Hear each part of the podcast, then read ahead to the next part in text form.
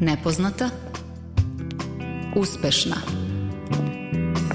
Udarna Kulturna Srećna i tužna. Žena u kutiji Dobar dan. Narednih sat vremena na talasima Radio Novog Sada sa vama u društvu Tamara Srijemac i Milica Kravićak Samit. Mi smo novinarke, autorke emisije, feminiskinje, prijateljice, borkinje, voditeljke. Da, sve u ženskom rodu, prosto zato što smo žene. Da, nama je tako prirodno i nije rogobatno. A zašto pojedine imenice u ženskom rodu mnogima, kako kažu, paraju uši, jedna je od tema današnje žene u kutiji. Kojim sve aspektima nedavno usvojenog zakona o rodnoj ravnopravnosti se bavimo?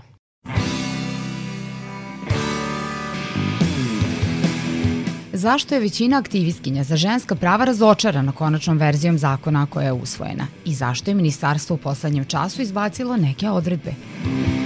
Zakon predviđa da država finansira terapeutske usluge za počinioce nasilja. Sigurne ženske kuće, međutim, i dalje se finansiraju iz lokalnog budžeta. Da li je to u skladu sa Konvencijom Saveta Evrope? Zašto može sluškinja, a ne hiruškinja? Zašto kuvarica, a ne arhitektica? Kome smeta rodno osetljiv jezik i zašto je taj segment zakona izazvao najveće polemike u javnosti? Udarna žena u kutiji. U feminističkim krugovima i delu javnosti tema zakona o rodnoj ravnopravnosti aktuelna je već više od 20 godina. Zanimljiva je istorija donošenja tog zakona u Srbiji. Prvi pregovori počeli su još 2000. godine kada naša zemlja prvi put dobija demokratsku vlast. Na to podsjeća aktivistkinja Biljana Maletin iz Ženske platforme za razvoj. Političarke su imale svoju kampanju kroz DOS i tadašnju koaliciju, ali je ceo civilni sektor bio podviknut na noge i bilo je nekoliko velikih ženskih kampanja prvi put u istoriji za da se pozovu građanke da glasaju. Žene sindikata su učestvovali, tako da je bilo zaista visok nivo aktivizma koji je onda nama sa novom vlašću 2000. godine dao jednu pregovaračku poziciju da mi odmah, bukvalno smo odmah kad se promenila vlast 2001. godine, napravili jednu veliku konferenciju koja se odnosila na tela za rodnu ravnopravnost. Mi smo odmah tražili zakon, odmah smo tražili institucije koje će se baviti tom temom. Kako je vreme odmicalo, tako se prosto ta priča o regulisanju mehanizama i politika za rodnu ravnopravnost raspršavala.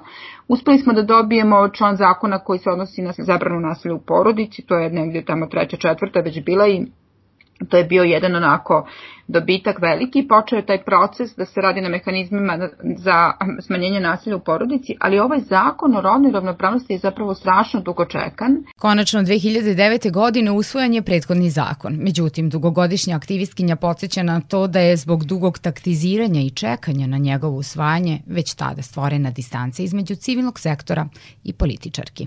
Taj zakon iz 2009. godine je donet da bi bio donet i on zapravo nikad suštinski nije profunkcionisao i on se zvao zakon o ravnopravnosti polova. To je u stvari dosta esencijalan problem sa tim zakonom, jer on govori o ženama i muškarcima, ne govori o rodnim ulogama, identitetima, o tome da zapravo nisu samo, dakle nije, nije biologija to što određuje našu poziciju u društvu, nego na društvo daje mesto i mi sa time zapravo treba da se nosimo. Aktivistkinjama je već tada bilo jasno da je potreban bolji, moderniji zakon o rodnoj ravnopravnosti. Biljana Maletin podsjeća i da je samo nekoliko godina kasnije taj novi zakon stavljen na listu važnih antidiskriminacionih zakona koji moraju da budu usvojeni u procesu evropskih integracija. Ono što se dogodilo sa dolaskom napredne stranke na vlast jeste da su oni ukinuli tela za rodnu ravnopravnost koji su postojali pre njih. Prvo od 2012. do 2014. je uprava nekako funkcionisala, a onda su oni to ukinuli i onda su razumeli da to ipak nije bilo dobro i formirano je koordinacijno telo za rodnu ravnopravnost kao međuvladino telo koje od tada do danas predvodi ministarka Mihajlović. I u jednom trenutku, negde u periodu između 2014. i 2016. 17. godine, postignut je zapravo visok nivo aktivizma i saradnje između civilnog sektora, ekspertkinje i koordinacijnog tela oko toga da se donese ovaj zakon. Politički gledano, Tema rodne ravnopravnosti godinama je bivala sve manje važna, a paradoksalno njen značaj u društvu je rastao, ističe Maletin. Rodna ravnopravnost je globalna tema, velika, društvena u svim zajednicama i u našoj. Time se bave Hollywood, korporacije, sve institucije. Nema više ni jedne međunarodne organizacije koja dolazi u Srbiju i pokušava da pruži podršku Srbiji u procesu evropskih integracija koja ne kaže, izvinite, morate da imate rodnu komponentu i da nam pokažete kako će ove pare što mi sad u vas ulažemo da promene živote žena i muškarca. Dajte da vidimo šta se tu u stvari menja. 2016. godine vlada je izašla sa predlogom novog zakona o rodnoj ravnopravnosti, koji su ženske organizacije smatrale retrogradnim i nedovoljno dobrim u odnosu na tadašnji zakon, dodaje sagovanica. Imali su argumentaciju da Ustav ne, po, ne, nema kategoriju roda i zakon je ponovo bio zakon o ravnopravnosti polova, I tada se ženska parlamentarna mreža, udružena sa organizacijama civilnog društva, velikim aktivizmom iz civilnih organizacija, zapravo sastala, organizovala i dogovorile da se taj zakon povuče. I pod pritiskom taj zakon jeste bio povučen iz procedure, dogovoreni su dalji koraci, dogovori, pre svega sa koordinacijonim telom. Proces donošenja ometanja unutar partijskim sukobima, kaže aktivistkinja, što je uticala na mnoge organizacije, pa i žensku platformu za razvoj da napusti pregovore. Nadležno za pravljanje zakona preuzelo je Ministarstvo za socijalnu politiku i tadašnji ministar Đorđević, koji nisu napravili adekvatan zakon i on nikada ni ugledao svetlost dana, sve do ovog meseca, juna 2021. godine. Zakon o rodnoj ravnopravnosti čini mi se, ako malo pogledamo širu sliku, deli sudbinu i drugih zakona i namera ove kratko oročene vlade je da sve ono u čemu su kasnali prethodnih četiri godine, a dugačka je lista dokumenta i zakona koji nisu doneti, a bili su obavezni proces evropskih integracija, sve bude doneto preko kolena i u narednih šest meseci i s tim u vezi zakon o rodnoj ravnopravnosti, pogotovo što je ova tema postala strašno važna tema u zajednici, građani joj diskutuju, mi smo ove godine imali četiri već afere koje su vezane za seksualno nasilje, plus svi izveštaji međunarodnih organizacija govore o, o skandaloznom odnosu medije prema ženama, o velikom prisustvu mizoginije u javnosti, u javnom govoru, u političkom govoru, u parlamentu, Tako da ovo brzo i efikasno donošenje zakona o rodnoj ravnopravnosti treba da posluži tome da se pokaže da nismo mi u stvari ti koji proizvodimo ovoliku količinu nasilja prema ženama trenutno u društvu. Takvo donošenje zakona podelilo je žensku scenu, smatra feministička aktivistkinja Biljana Maletin. Pojedine su srećne zbog promena i novog zakona, dok druge, kojima pripada i naša sagovanica, smatraju da je reč o zloupotrebi važnih tema kao što su rodna ravnopravnost, nasilje nad ženama u dnevno-političke svrhe.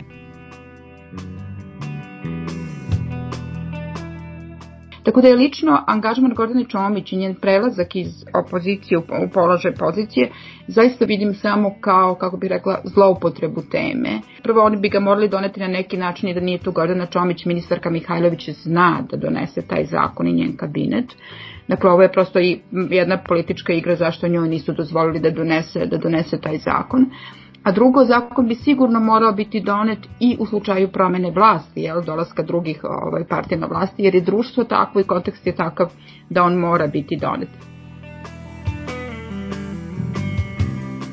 Ja bih jako volela da sačekamo sad moment da vidimo kad sledeći put ustanu ti poslanici i krenu tako da govore o drugim ženama, o glumicama, o bilo kojoj ženi koja se pobunila, kako će se primeniti zakon o rodnoj ravnopravnosti. Jer u zakonu piše da je takav govor zabranjen.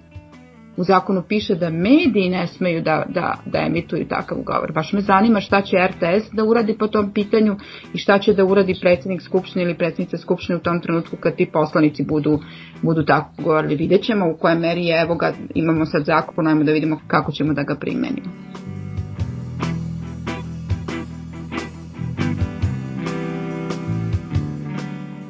A šta će tu u globalu zakon o rodnoj ravnopravnosti koji je izazvao brojne polemike u javnosti doneti u praksi? Koje su dobre strane zakona za radioteleviziju Srbije je objasnila poverenica za zaštitu ravnopravnosti Brankica Janković. U praksi zakon o rodnoj ravnopravnosti e, treba da donese bolju uravnoteženost manje zastupljenog pola, Dakle, jedan bolji rodni balans u svim oblastima, u svim radnim kolektivima, kompanijama, organima upravljanja, jer uravnotežena zastupljenost oba pola postoji ako je taj procenat 40 do 50 procenata.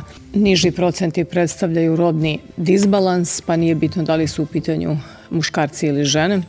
Pogrešna je percepcija da se radi o e, ravnopravnosti žena, već se radi o ravnopravnosti svih nas. Zakon obavezuje sve strukture da vode računa o rodnom balansu i donose antidiskriminatorne mere, dodaje poverenica. Takođe, pooštrena je kaznena politika. Kazne su povećane od 50.000 do 2 miliona u odnosu na nekadašnje kazne koje su bile od 10 do, do 100.000. Mislim da je to je, zaista sada jedna kazana politika koja je stroža, ali očigledno ovaj prethodni zakon koji smo imali nije davao rezultate da postoje sporne odredbe i u tek usvojenom zakonu i da postoji realna briga da ni on neće davati rezultate kada je reč u unapređenju položaja žena žrtava nasilja, mišljenja su aktivistkinje Autonomnog ženskog centra. O spornom članu zakona o radnoj ravnopravnosti govorimo u nastavku emisije. Pre toga muzika, Ana Ćurčin i njena grupa The Changes pre koju nedelju izbacili su novu pesmu i to po našoj meri. Pesma Tu prva je koju Ana napisala i otpevala na srpskom jeziku.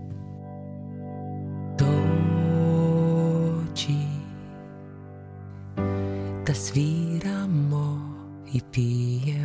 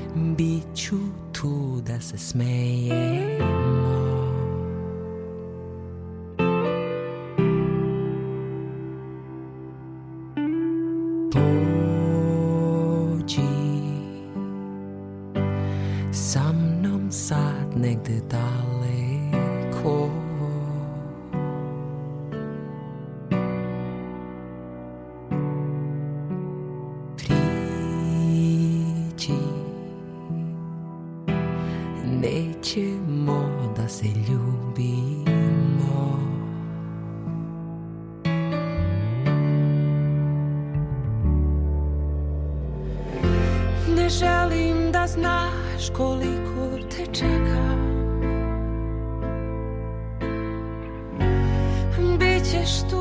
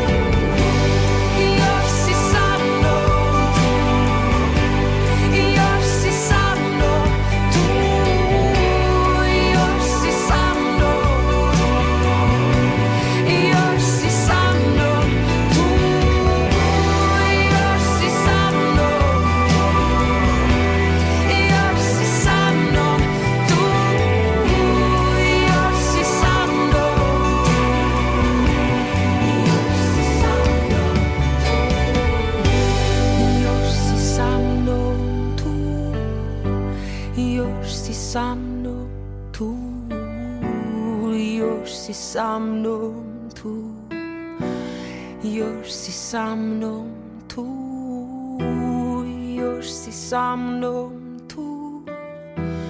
Još si sa mnom tu. Još si sa mnom tu.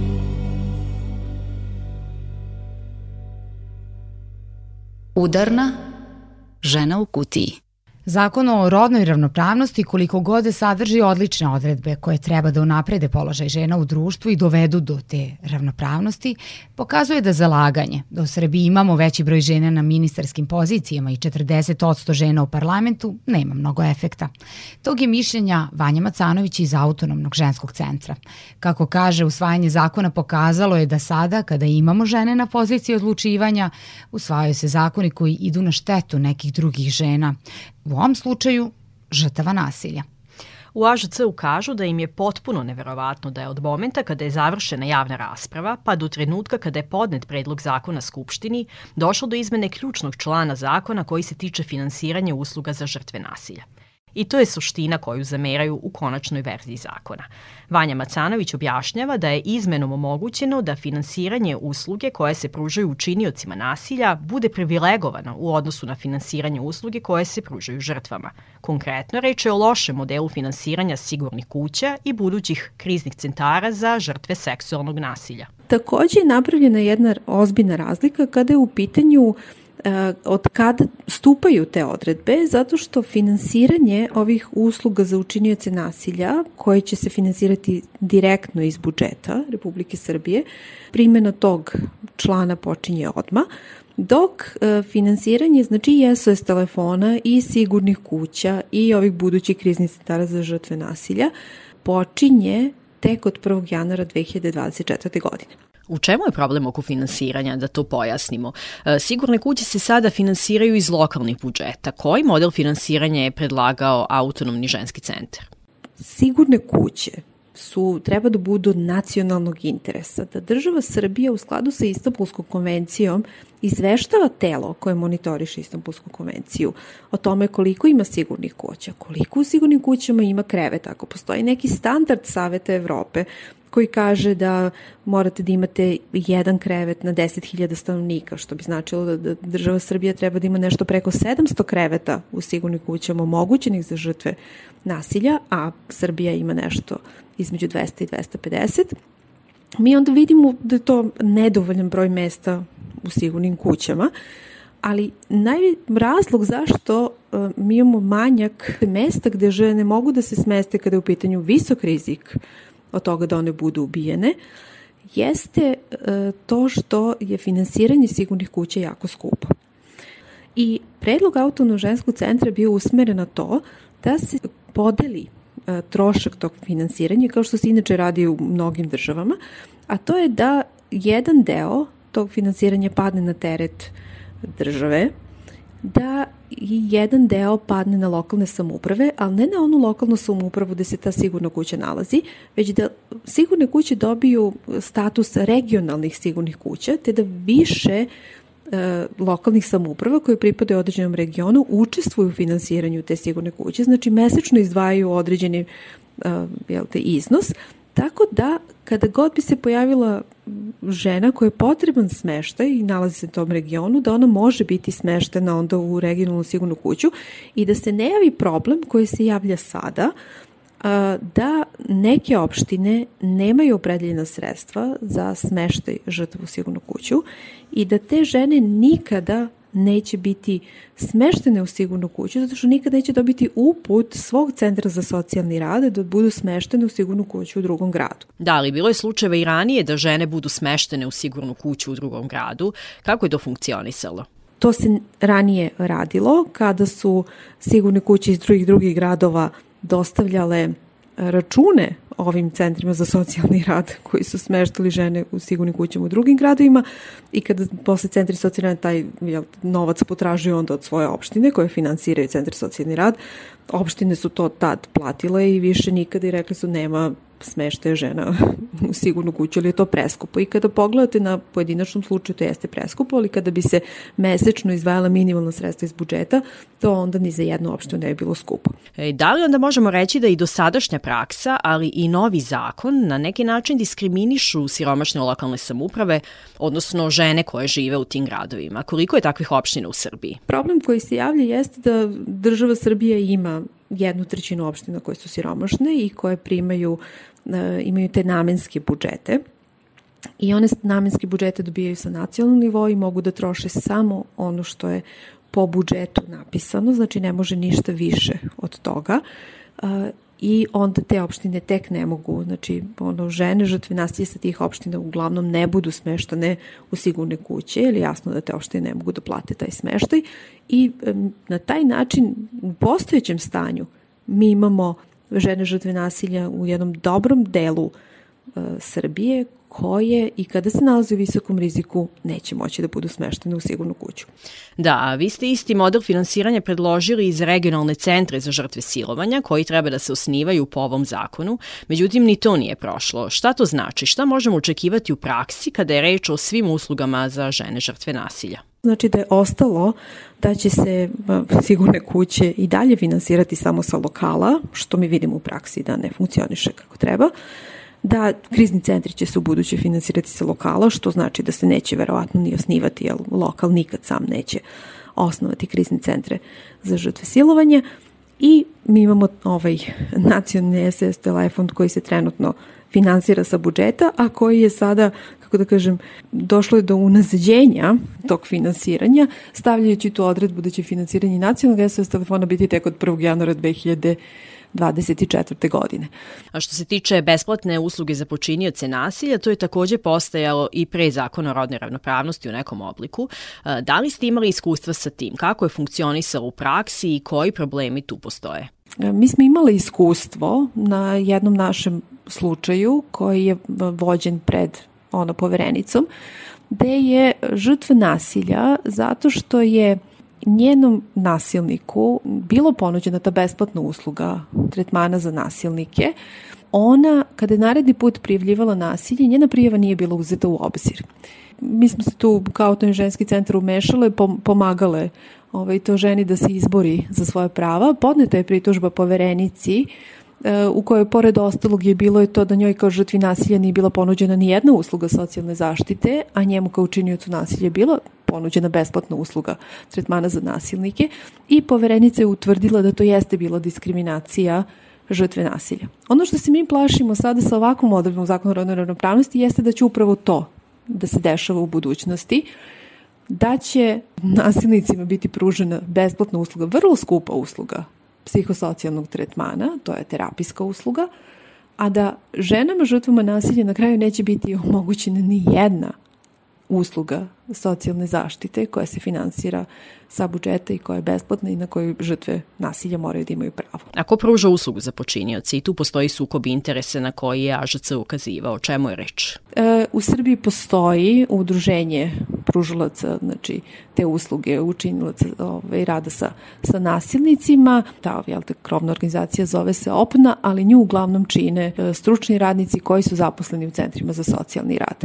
I to jeste ono, ono što je najveći problem, to je bilo i u ovom slučaju u kom smo se mi pritužile poverenici, a to je da uslugu pružaju znači, zaposleni u centrima ili kolege onih zaposlenih u centrima za socijalni rad koji daju svoje mišljenje sudu, tužilaštvu i drugim organima da li je tu bilo nasilja, nije bilo nasilje koji su dužni da po službenoj dužnosti štite žrtvu. To je ozbiljan sukob interesa koji se javlja i na koji smo mi ranije ukazivali ali očigledno da to se nekako ne vidi ili se olako prelazi preko toga. Kako u svetu funkcioniše ta praksa i finansiranje usluga za počinioce nasilja? U svetu se, e, kada su u pitanju ovi tretmani za nasilnike, drugačije je pristup. Nasilnici su ti koji moraju da plaćaju taj tretman, koji bivaju upućeni da moraju da idu, ako ne idu, onda će trpeti neku drugu vrstu sankcije, i moraju iz svog džepa da snose taj trošak terapije i onda mnogo ozbiljnije shvataju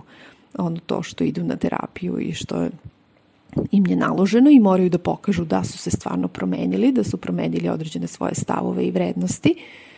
I ono što je iskustvo sad opet ono klinki njene koja nam se nedavno javila, koja je u Švajcarskoj preživala nasilje, to je da tamo se a, taj račun za boravak žene u sigurnoj kući, kada je nasilnik ostao u zajedničkoj kući ili stanu, ako se utvrdi da on jeste odgovoran za činjenje nasilja, da onda posle on snosi i taj trošak boravka žene i dece u sigurnoj kući.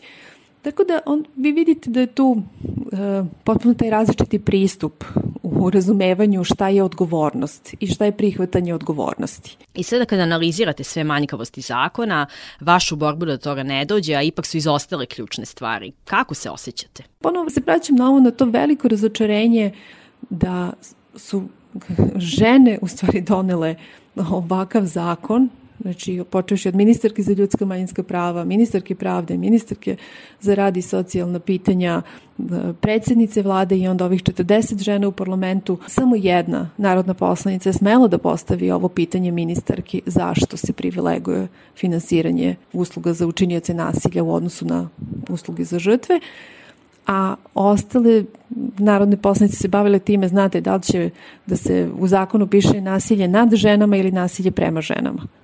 Znate, to je u ovom kontekstu potpuno nebitna stvar.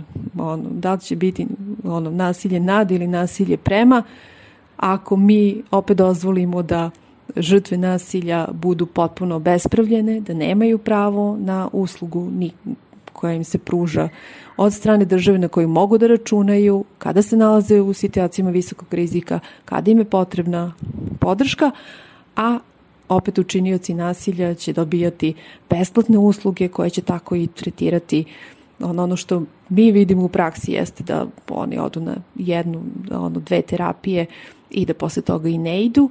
Za, za nas koji smo se ono, borile da taj zakon bude bolji, ovo je jedno veliko, veliko razočarenje.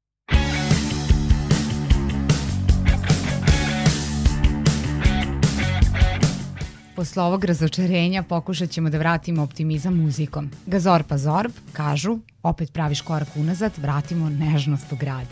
Sa željom da naredni koraci budu samo unapred. Slušamo pesmu koja je izašla pred kraj 2020. godine. Vratimo nežnost u grad, Gazor pa zorb.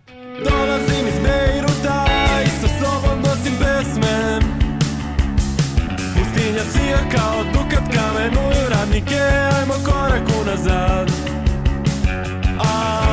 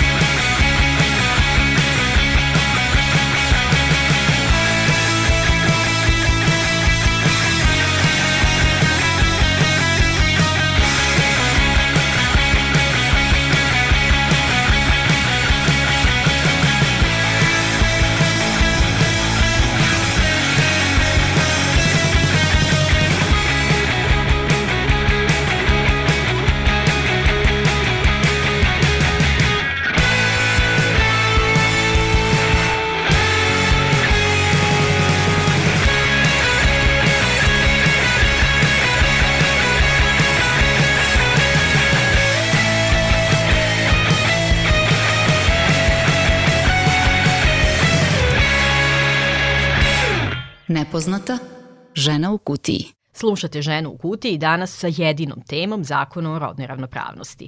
I kada je reč o zakonu, meni je nekako najveći utisak to što se malo ko osvrnuo na činjenici o kojoj je govorila naša prethodna sagovornica Vanja Macanović, da državni budžet neće finansirati sigurne kuće, a izdvajaće sredstva za psihosocijalne terapije za počinioce nasilja. I tu je kritičko mišljenje, empatija pa i zdrav razum izostao kod velikog broja građana i građanki. Ali zato nema ko se nije oglasio zbog imenica borkinja, psihološkinja, vojnikinja. Da, to Borkinja meni stoji na Facebooku i uvek je problematično nekima. Činjenica je da je ovih dana u medijima i na mrežama dominirala priča o jeziku i to naravno inspirisana usvajanjem zakona. Nažalost, tema rodno osetljivog jezika svela se na obavezu upotrebe ženskih oblika reči i tu kaznenu politiku protivnika zakona na sve strane, i u institucijama i među političarima, ali i uticenim profilima na društvenim mrežama. Tako je rasprava poprimila pa i zabavni karakter, izmišljale su se nove reči u ženskom rodu, seksizam produbljen, suština promašena. Niđe veze. Evo ja sam levičar pa mi je nužno insistiranje na ovom vidu ravnopravnosti potpuno idiotski jer to i nije neka ravnopravnost. Toliko je drugih problema po pitanju rodne ravnopravnosti da je ovo trivialno, a na momente jezivo ružno. Akademci dignite glas. Dragi moj profesore, učinite nešto protiv ove gluposti. Dosta nam je više svih izopačenih ravnopravnosti. Dosta. Ja sam prevodilac i nikakva kazna me neće naterati da budem prevodilica ili prevodiloškinja. Rodno osetljiv jezik tema je kojim se lingvisti i lingviskinje kod nas bave aktivno decenijama, a više od 20 godina to je predmet interesovanja i ljubavi doktorantkinji Filozofskog fakulteta i političkoj aktivistkinji Maji Sedlarević. I mislim da smo se daleko pomakli u smislu prihvatanja rodno osjetljivog jezika, čak više nesvesno nego svesno. Ulaskom žena u neke profesije i dolaskom žena na određene pozicije nekako su se i odomaćili ženski oblici naziva za ta zanimanja i titule i funkcije.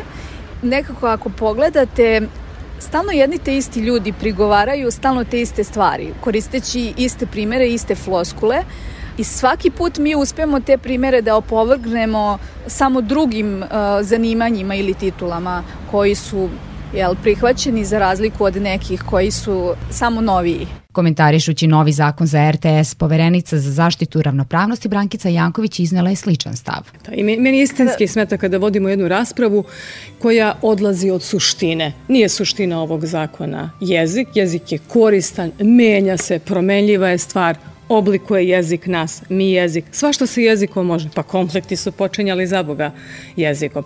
I što je to tako teško? Svi kažu plaćat ćemo ogromne ogromne kazne. Nećemo prvo, tek u 2024.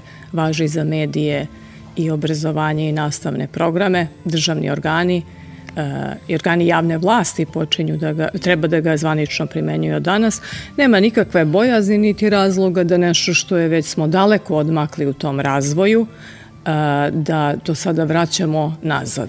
Zakon o rodnoj ravnopravnosti definiše i upotrebu rodno osetljivog jezika kroz članove 6, 25, 37, 44, tako što obavezuje organe javne vlasti, institucije, ali i sredstva javnog informisanja da ga upotrebljavaju, ali i da razvijenjem svesti o značaju rodne ravnopravnosti doprino, doprinose suzbijanju rodnih stereotipa, društvenih, kulturnih obrazaca, običaja i prakse koji su zasnovani na njima. Takođe, da radi na suzbijanju diskriminacije na osnovu pola ili roda i drugih ličnih svojstava, kao i rodno zasnovanog nasilja, nasilja u porodici i nasilja prema ženama. Koristeći rodno osjetljiv jezik mi žene činimo vidljivima i to je razlog zašto insistiramo i zašto kažemo ne, to nije samo forma nego i suština. Vrlo je interesantno sad kad je donošen zakon o rodnoj ravnopravnosti zašto je svima baš rodno osetljivi jezik zaparao uho, odnosno zašto su se svi bavili isključivo i samo rodno osetljivim jezikom. Zato što je on najbliži svima i zato što kad budemo koristili rodno osetljivi jezik doslovno, sada moraju da ga koriste svi, jel? Mi ćemo žene zaista učiniti vidljivima i to dekonstruiše neke patrijarhalne konstrukte koji su mnogo jaki i koji su uh, mislili da će ostati nepoljuljani. Ono što bi trebalo svi da osvestimo jeste da upotreba ženskih oblika reči, takozvanih femininativa, u svojoj suštini ne sme da se svede na samo oblikovanje reči ili izmišljanje novih reči, već utiče na našu promenu svesti o tome ko su žene, šta one mogu. Takođe čini žene vidljivim, a i, što je jako važno, utiče na izbacivanje jezičkih stereotipa kao što su nežni, slabiji pol dama, opajdara, slabić, mačo muškarac i slično.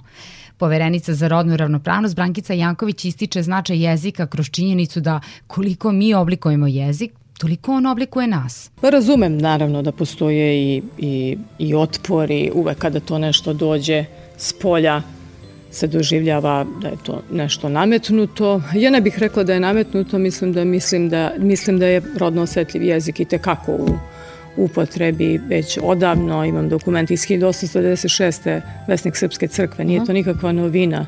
Najviše se zapravo polemike vodilo oko ženskih zanimanja, jer kaže da su, kažu da su im rogobatna. Ne, mislim da oko gramatike, malo mi je čudno zašto oko toga mi je malo i m, onako nekako suvišna ta rasprava Naš prelepi jezik ima rod, broj i padeš. Zašto vodimo raspravu oko nečega što nema dilema i deca to sasvim, sasvim normalno deca izgovaraju i niko, niko, niko oko toga ne pravi problem. I sada naravno je uvek kao zašto će sada, jel mora biti žena dramaturg, dramaturškinja, e, rekla sam, a nikome, nikome ne smetaju oni pogrdni nerotkinja, sluškinja, to ne smeta. Nisu se samo ženske organizacije, aktivistkinje i ekspertkinje pobunile zbog usvajanja zakona na koji su toliko dugo čekale.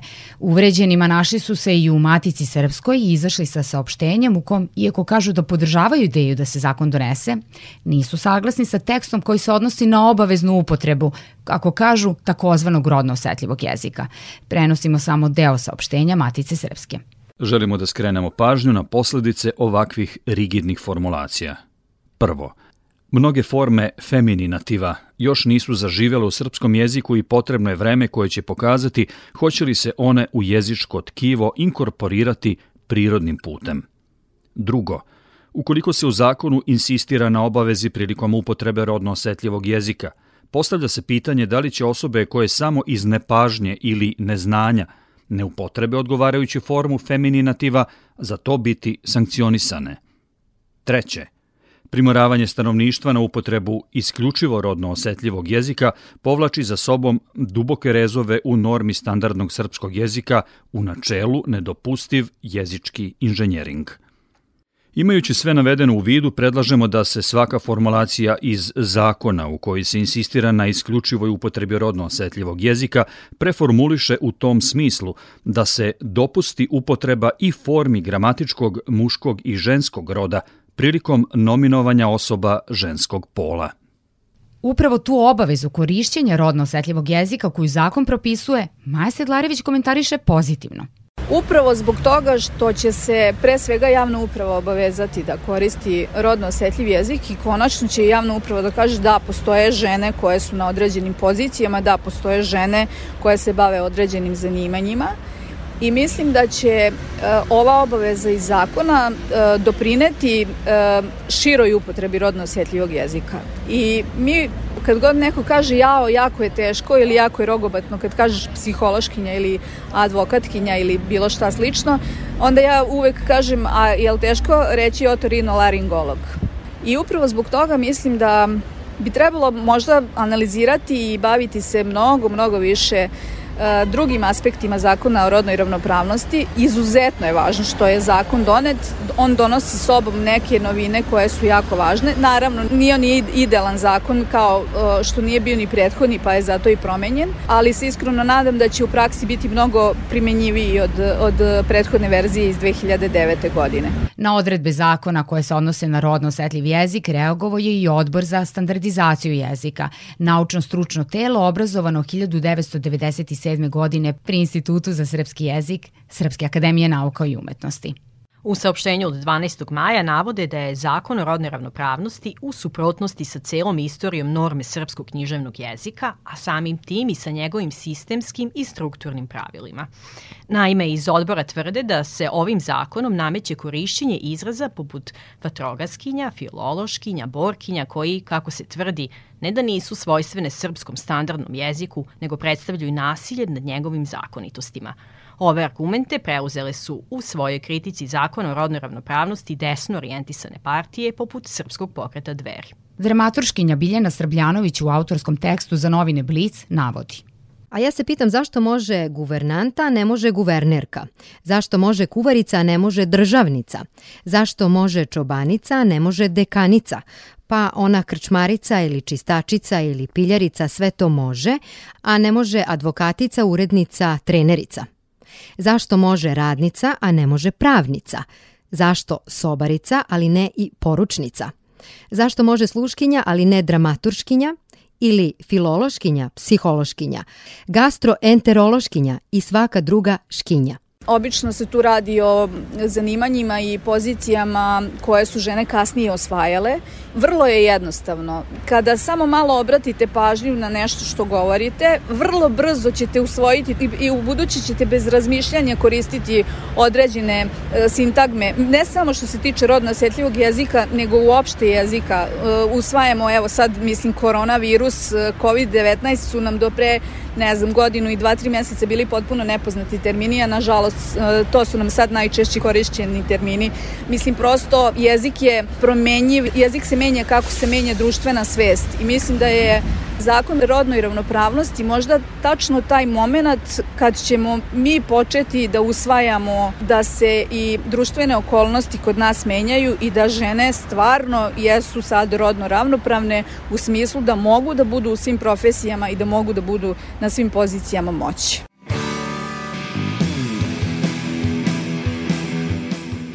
Hvala svim slušalcima i slušateljkama što ste bili i bile sa nama. Pozdravljaju vas Milica i Tamara i naša koleginica zadužena za ton Iboja Šanca. Mi ćemo nastaviti da koristimo rodno senzitivan jezik, obavezivao na zakon na to ili ne. Nastavit ćemo i da ukazujemo na sve nepravde, neravnopravnost i diskriminaciju. Slušamo se za dve sedmice. Muzički pozdrav danas šalje Art Aparat koji je osnovala grupa umetnika i istraživača u kulturi. Oni rade sa decom i mladima iz osetljivih društvenih grupa. Njihov hor zvuči magično i slušamo njihovu verziju pesme Vlade Divljana Odnesi me. Doviđenja.